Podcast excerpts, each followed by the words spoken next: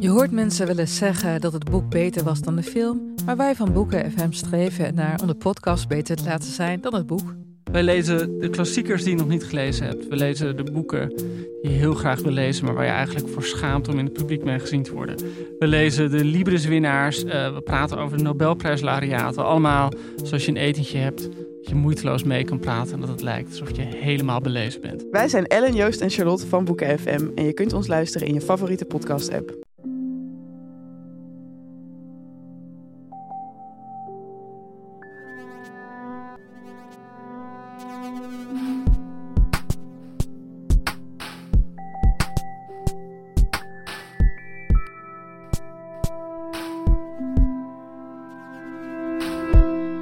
Hey, ik ben Pieter van Relaas. In Relaas hoor je waar gebeurde verhalen en die worden verteld door de mensen die ze zelf hebben meegemaakt. Lou start zijn verhaal met te zeggen dat hij eigenlijk een brave mens is. En dan gaan er bij mij al wat alarmbelletjes af. Mensen die specifiek moeten zeggen tegen anderen dat ze braaf zijn, die verbergen meestal iets ergers. En zie, Lou zijn verhaal dat gaat van kwaad naar erger.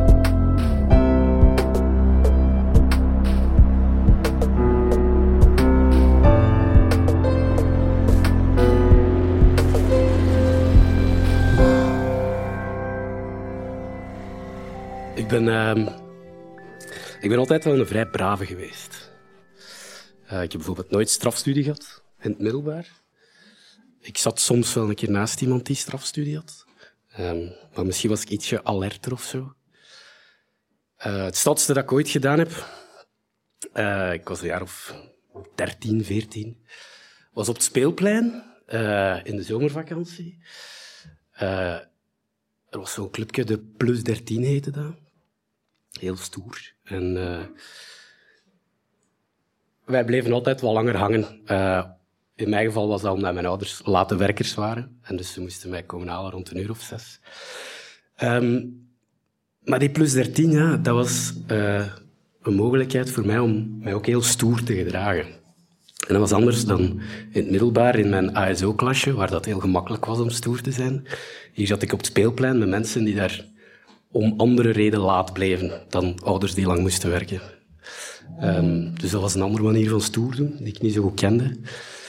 Um, en we hadden daar een paar privileges. Wij mochten um, na drie uur dertig, nadat al die dingen van het speelplein gedaan zijn, al op de straat gaan wachten op de ouders. Terwijl de kinderen, die moesten binnenblijven. En we zitten daar, het was weer, uh, elke dag van de week om vier uur te hangen. En ik voelde mij er na een tijdje wel ook de stoeren bij. Een van de dagen um, vindt er iemand een envelop. Uh, een envelop gesloten en dat wordt opengedaan. En daar blijkt kei veel geld in te zitten. 400 euro of zo. Uh, ik merk zo van, oh, dat is niet normaal. En um, er zijn natuurlijk andere gasten die zeggen, oh, geld, yes. We gaan een keer kijken. Er zit dus effectief 400 euro in. En daar wordt een beetje stoer over gedaan. Ik zit in mijn eigen te denken, nee, nee, nee, dat is niet oké. En ik zit mij te gedragen van, oh, geld, nice. ik doe mee. Ik krijg uiteindelijk 20 euro toegestoken en dat is het. Uh, rond een uur of zes kwam mijn pa uh, mij halen. En juist op dat moment zegt de hoofdleidster, Ela, Loïc, kom ik even bij. Mijn pa moest ook mee. En uh, ze wist alles. Uh, ik moest dat uitleggen en ik weet nog dat ik heel hard dacht van, fuck, allee, ik ben zo niet. En nu denkt iedereen dat ik wel zo ben. En dat was keihard. Uh, mijn ouders waren heel kwaad. Um, maar dat is denk ik wel het stoutste dat ik, dat ik ooit gedaan heb.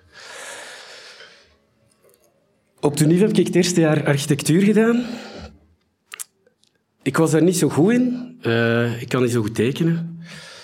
Um, ik heb er wel heel goede vrienden uh, gemaakt. De vrienden dat ik nu heb, uh, zijn nog altijd afkomstig van een samenraapsel van, van de vrienden die ik daar heb uh, gemaakt. Ik heb daar veel toffe dingen geleerd in architectuur. zwarte hemdjes dragen. Um, een beetje nieuwsgierig zijn. we mochten nooit, het eerste jaar was dat dus het enigste jaar dat ik gedaan heb op architectuur. Op uitstap uh, naar Antwerpen om een paar, paar uh, mooie gebouwen te gaan, te gaan kijken, bekijken. Een daarvan was, was, de Single van Stefan Beel. En uh, bij het afstappen van de bus zegt de professor, ik ben zijn naam kwijt, maar een belangrijke architect, zegt, gasten, als je hier rondloopt, je moet de paden niet volgen. Uh, als je architect wilt worden, moet je nieuwsgierig zijn en moet je gebouw leren kennen. En doe een keer een deur open. Hè? En wij krijgen dus carte blanche in dat gebouw, we gaan binnen. En uh, dat beperkt zich inderdaad niet uh, tot het kijken naar deuren en ramen, maar we doen een keer een deur open. ik volg daar eerder de groep en ik had ook op bepaalde momenten het gevoel van eigenlijk moeten we dat hier niet doen. Uh, we kunnen ook echt van op afstand kijken. Maar ik doe wel gewoon mee. Um, op een bepaald moment staan we zelfs, ik weet niet of jullie allemaal de single kennen, maar er is een grote concertzaal met een lichtbrug. En we stonden op die lichtbrug. Um, en op dat moment vond ik dat heel tof en ook heel spannend. Uh, en dat was een spanning dat ik heel graag had. Uh, we gaan terug naar huis, we gaan op café, we vertellen dat. Um, nu, ik ben gestopt met architectuur, uh, maar er wel veel goede vrienden aan overgehouden. Uh, en op café ging het dan ook regelmatig over architectuur. En als we naar huis gingen van op café we passeerden een interessante werf, werd er al een keer gestopt. En dan keken we van, mai, uh, interessante werf. Opnieuw, jullie zien, mijn kennis van architectuur is beperkt gebleven. Um, maar dat evolueerde ook naar vrienden over architectuur die zeggen, zouden we een keer niet binnen gaan? En ik zei, misschien niet, maar ik ging wel mee. Want het, was wel, het waren wel mijn vrienden en het was ook wel spannend. Uh, dat gaat van een, een, klein appartementsgebouw en binnenkomen in een kamer waar ik zeg, oké, we hebben deze kamer gedaan, dan kunnen we naar de volgende. En dan kunnen we naar de volgende en dan kunnen we naar huis. Terwijl mijn vrienden architecten waren aan het rondkijken en die zeiden, amai, het is wel een speciale potrel. En met die codebrug gaan ze nog problemen krijgen als ze hun bouwknoop niet goed doen. Um, dat werd dan een keer een grotere werf. En in diezelfde periode ook... Um, we gingen altijd in dezelfde pita-zaak pita eten. De pita Tex-Mex. Helemaal niet lekker, maar goedkoop. Uh, en door op avontuur te gaan de hele tijd, uh, wordt er ook een keer gezegd, gaan we een keer nergens anders eten dan in de ranzig stinkkeltier. En uh, gaan onze pita niet meenemen naar het dak van de Jozef Plateau, uh, het universiteitsgebouw van architectuur. iedereen reageert laaiend enthousiast. ik zelf ook heel stoer mee. En we plannen dat. Op een vrijdag gaan we naar Pita Tex-Mex. We bestellen ons allemaal een pita. Uh, in een zakje krijgen we dat mee en we vertrekken naar, uh, naar de Jozef Plateaustraat, 500 meter verder. En uh, dat is dus het gebouw waar de architectuurstudie is. En, op het bovenste verdiep is het atelier. eigenlijk een hele grote zolder waar architecten creatief doen. Ik kijk daar dan op neer, vooral omdat ik het nooit kon. Um, maar die zolder had nog een verdiep. Uh, dat was eigenlijk een klein gangstje. Uh, een trapgang. Ik weet jullie zien wat ik bedoel, maar zo'n trapgang die eindigt op een deur. Dat is altijd zo onheilspellend. Uh, en daar moesten we zijn en we wisten allemaal, oké, hier mogen we eigenlijk niet meer gaan, maar we doen dat. Die deur gaat open en we komen eigenlijk op een soort zolder uit een Disney-film. Geen verlichting, maar wel zo licht door kieren en ramen en spleten. Hier en daar zo'n klein dakraampje. Heel veel stof en heel veel donker, donker hout. Die, er was nog een trap naar een dakraam. Ook heel donker en al dan niet een beetje instabiel. Maar we gaan via daar naar dat dakraam. Op een of andere manier wisten we dat daar te doen was. We zitten dan te eten op het dak van de, van de Jozef Plateaustraat. Ik weet mezelf niet zo goed houding te geven, want ik vond dat vrij spannend. En ik was niet op mijn gemak. We zitten daar te eten na een uurtje. We zitten daar trouwens op de hoogste plek van Gent, op de Boekentoren na. Dat is het enigste dat er nog boven ons was. Het was een prachtig uitzicht. Uh, het was keigoed weer. En uh, eigenlijk zaten wij daar wel te genieten. Dat was een schoon einde van een vrijdag. Uh, we hadden geen les meer. Ehm, maar bon, na een uur of twee hadden we het daar ook wel gezien. Ehm, dus we maken een stand om naar beneden te gaan. En de eerste en de tweede gaan naar beneden. En de tweede steekt zijn kop terug omhoog en hij zegt, ja gast, uh, staat hier iemand te wachten op ons? Uh, doe gewoon normaal. Uh, ja, ik kon niet normaal doen, ik was kei bang. maar ik steek dat weg of zo. Uh, pokerface, we gaan naar beneden en er staat inderdaad iemand beneden aan die, die een trap in die zolderkamer nog te wachten. Ja, dat was heel duidelijk. We gaan hier onder ons voeten krijgen of zo. Um, hoopt u wat dat raar is. Um, maar we moeten ons studentenkaart afgeven. En uh, we gingen nog iets horen. En uh, ik ging huis en dacht, oh shit, meid. Ik hoop echt dat ik niet van het unief gesmeten word of zo. heel, heel veel scenario's die mij opkwamen van het is, het is gedaan met mijn studies. En uh, de zondag krijg ik telefoon van, van Bernard, iemand die er ook bij was, en hij zegt, hallo, hebben uw ouders ook al telefoon gehad? Ik zeg, nee. Ah, shit. Uh, ja, ze gaan telefoon krijgen. Uh, we zijn van Tunif gesmeten. Alles. Allee, we mogen niet meer verder doen. Ik, fuck, fuck, fuck, fuck, fuck, fuck, fuck. Deze is niet goed. Uh, eerste reactie, hoe moet ik dat van mijn ouders verbergen? Nee, dat gaat niet gaan. Tweede reactie, fuck, hoe ga ik dat uitleggen aan mijn ouders? Dan pas de derde reactie, kan nog naar de hogeschool gaan, dat is oké. Um, en ik zeg, Bernard, ja, hoe, hebben u, hoe hebben uw ouders gereageerd? Ja, niet goed. En wat hebben ze allemaal gezegd? Een stukje bij beetje. Ik vraag ze wat door ik zeg, Bernard, ben je met mijn kop aan het lachen? Nee, nee, nee, nee. Bernard, fuck you, gast. Zeg jij mij hier echt deze hel aan het laten doormaken voor mijn zondag verkloten? En dat had hij helaas gedaan. Um, we zijn zelfs gewoon de, de, dag daarna, de maandag, ons studentenkaartje terug kunnen gaan ophalen. En er was, er was niets gebeurd. Dus, het is oké. Doen we lekker verder. Op een avond met, uh, opnieuw wat vrienden op café. Uh, het kijken naar potrels was mij ondertussen uh, normaal geworden, na drie, vier grote werven. ik vertrek naar huis samen met Nathan, omdat wij dezelfde route moesten pakken. En er is zo'n baantje hier in Gent, naast de Kouter. Zo'n smal steegje dat je moet nemen om naar de vooruit te gaan. Allee, dat is de kortste weg. En um, wij pakken dat steegje en daar is plots een keigrote werf die wij nog nooit hebben gezien.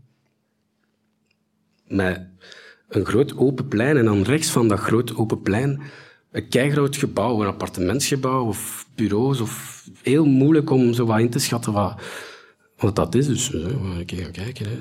Uh, dacht, even gaan kijken, toch? En uh, we gaan binnen, gelijkvloers, heel ruwbouw, maar toch zowel al stopcontacten en zo. Er zit al een lift in dat gebouw. Uh, we pakken een trap naar het eerste en dat blijkt een vrij goed uitgerust uh, kantoorgebouw te zijn. Er staan al tafels, er staan al stoelen, eh, bureaustoelen, goede bureaustoelen. Uh, er stond een kopieermachine. En dat was eigenlijk weer opnieuw heel spannend. Op een of andere manier wordt dat te spannend voor mij. En zeg ik, kom, we zijn weer weg. Een kwartiertje was voldoende. En uh, de dag daarna weer op café. Begint veel met op café. En um, Bernard was er deze keer bij op café. En Nathan en ik uh, vertellen heel stoer hoe dat we de dag ervoor een gebouw hebben gezien. En dat is daar volledig geëquipeerd. Daar zijn bureaumaterialen, daar is alles. En uh, de dag daarvoor vond ik het nog vrij spannend. En dacht ik van oké, we hebben het nu al gezien. En dan de dag daarna zit ik op café op een of andere manier Bernard te proberen overtuigen om mee te gaan. Naar iets dat ik had afgevinkt als spannend genoeg, moeten we niet opnieuw doen. En het lukt mij om te overtuigen.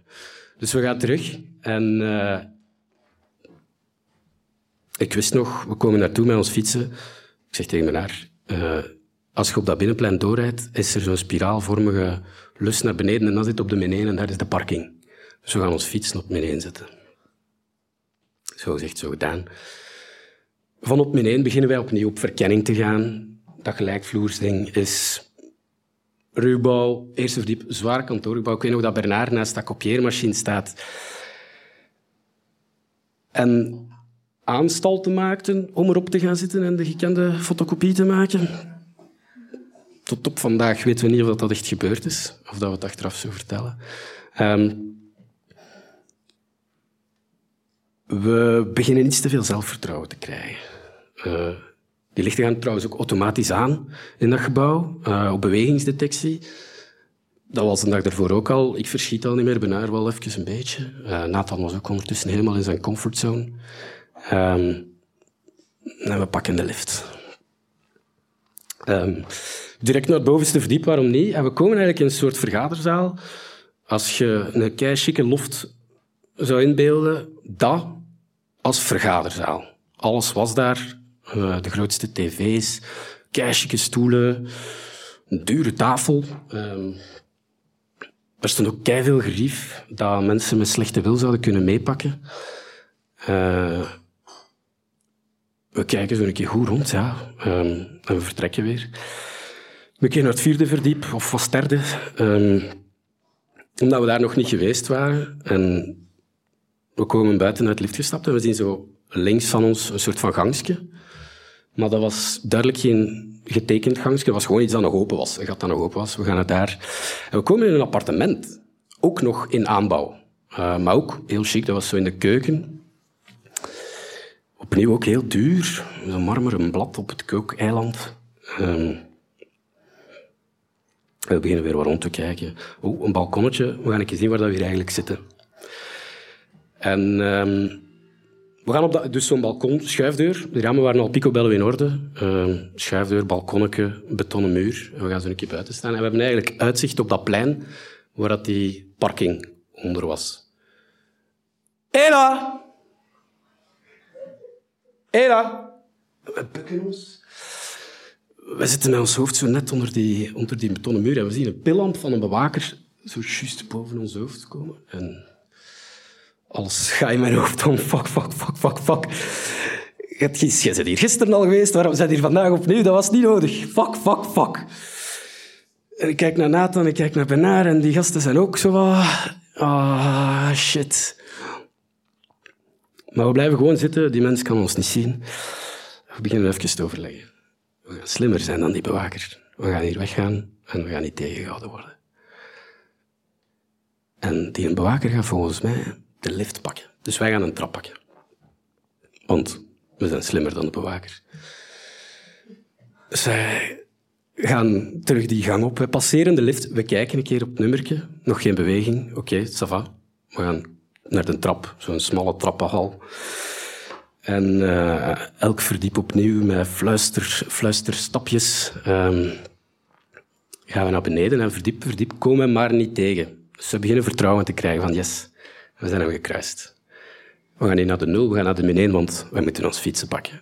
we overleggen nog even van, als we hier wegfietsen, moeten we wel maken dat het echt heel snel is.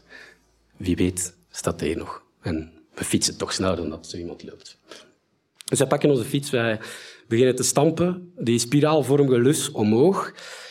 En 30 meter is dan die poort en die bewaker staat er gewoon met zijn bilamp op ons te wachten. Het staat in ons gezicht te schijnen tot zover slimmer dan de bewaker. En we gaan wel nog tot bij hem en hij zegt, ja jongens, um, een, heel grote, een heel grote vent, een kletskop.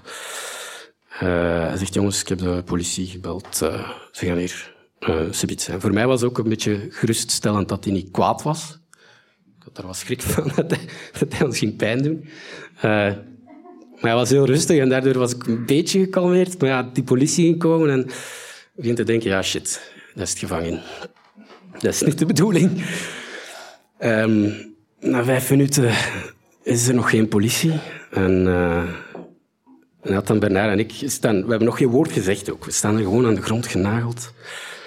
Bang af te wachten. En uh, die vijf minuten worden tien minuten. En die tien minuten worden een kwartier. En Bernard had zo al een keer bij de bewaker gevraagd van... Is het uw enige werf? Of waar doe je nog zo opdrachten? Ik was niet in staat om een gesprek te voeren op dat moment. Maar doordat, doordat dat eigenlijk gewoon een mens bleek te zijn, werd ik zo wat rustiger of zo. En na twintig minuten durf ik ook iets zeggen. Ik zeg, zou ik een keer snel naar die Dixie mogen, naar een beetje verder? Want ik was keihard pissen. En dat was ook oké. En uh, ik kom uit die Dixie en ondertussen zijn we een half uur ver. We staan, ik sta niet te praten met die bewaker, maar Bernard en Nathan wel een beetje. En dan eh, twintig meter verder, waar die, die steeg, die straat is, zien we eindelijk, raar om eindelijk te zeggen in deze context, zien we eindelijk uh, zwaailichten en we horen sirenes. En er komt een combi aangereden en er komt direct nog een tweede combi aangereden en dan van de andere kant nog een combi en zo'n gewone flikkenauto. En dat was vrij indrukwekkend. En op minder dan een halve minuut tijd zijn er vijftien politieagenten uitgesprongen, kogelvrij vest. En die komen op ons afgelopen met hun hand op hun geweer. En ik weet nog, bij mij stopte toen de wereld met, met bewegen. Ik dacht, fuck, ik ga gevangen. Ik ga een straflat hebben, ik ga nooit geen job krijgen, ik ga afwassen in het zwart. En dan denk ik, fuck, nee, hoe ga ik daar mijn ouders uitleggen? Nee. En ik ben helemaal verlamd.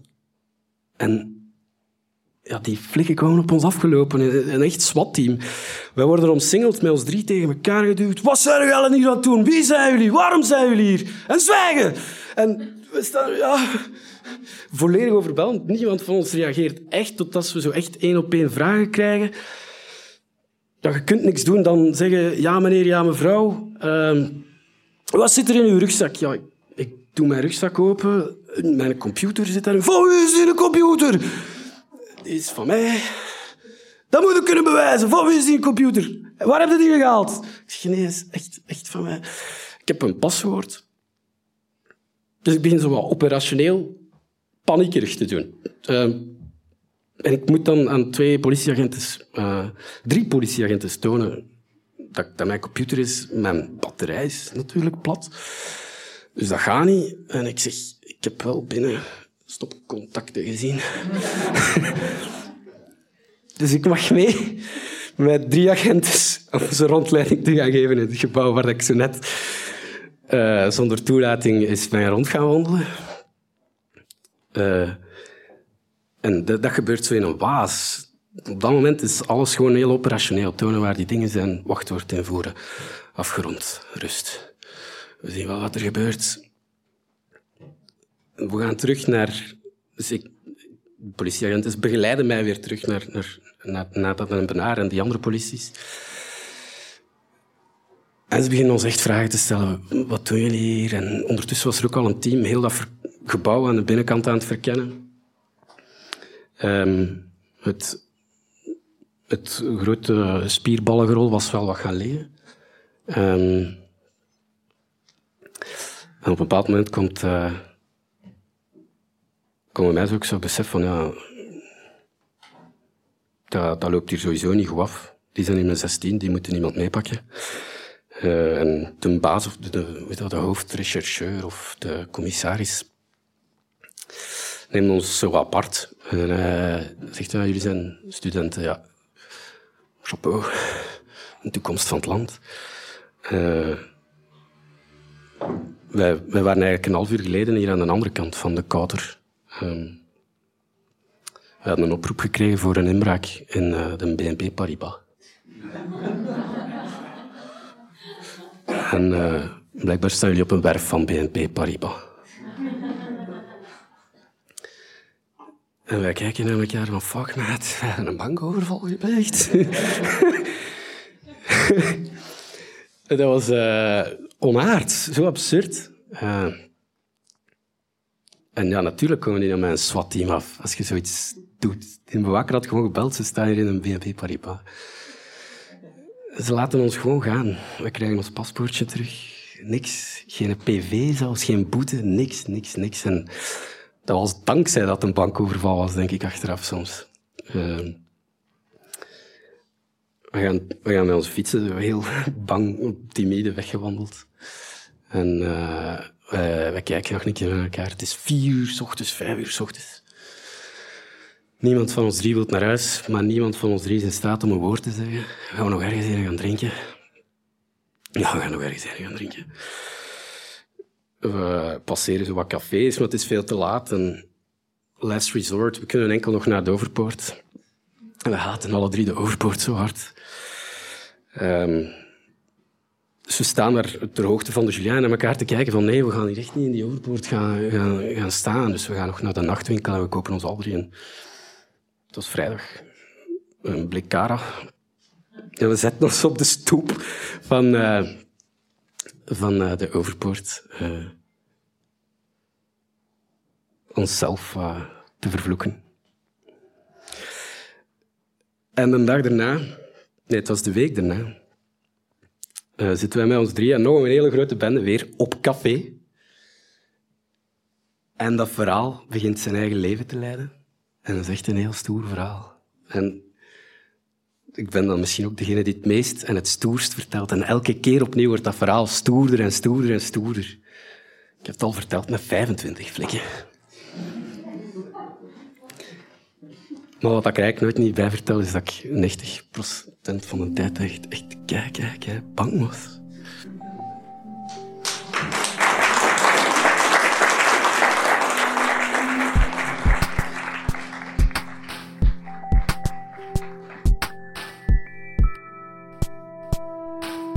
Al je schaf uit te streken, je kan ze van je afvertellen op relaas. We hebben nooit genoeg straffe, criminele verhalen. Heb je bijvoorbeeld dat van Nicolas al gehoord in Polen? Dat is ook een KD, die Nicolas. Je moet het verhaal maar eens opzoeken. Uh, gewoon in Google intypen Nicolas test de Poolse nultolerantie, zoals de titel. Je moet je verhaal niet uit de losse pols vertellen. Wij helpen jou met de uh, coaching. We zijn relaascoaches ook. En mocht je zelf nog niet genoeg peper en zout in jouw verhaal hebben, dan steken wij een beetje bij. Of misschien voelde het voor jou wel specialer aan dan voor een publiek. Dat kan ook maar ook dat toetsen wij met jou af. We doen dat dankzij de afdeling cultuur van de Vlaamse gemeenschap en die van de stad Gent. Zij helpen ons om vertelavonden in Gent, Antwerpen en Brugge op de kaart te zetten met relaas. Ook jij kan ons helpen door dit verhaal naar iemand door te sturen aan wie jij moest denken. Misschien ook een crimineel. Of je kan ons een niet gestolen centje toestoppen. Dat kan op onze website. Daar kan je vriend van de show worden en dan kan je ons elke maand een heel klein bedrag geven of eenmalig een iets groter bedrag. En anders kan je ook gewoon blijven luisteren naar Relaas. Daar zijn we ook al blij mee. Onze vrijwilligers die behouden hun drive en energie door te zien dat er zoveel mensen elke week opnieuw naar Relaas luisteren. Nu al meer dan 10.000 keer bedankt daarvoor elke week opnieuw.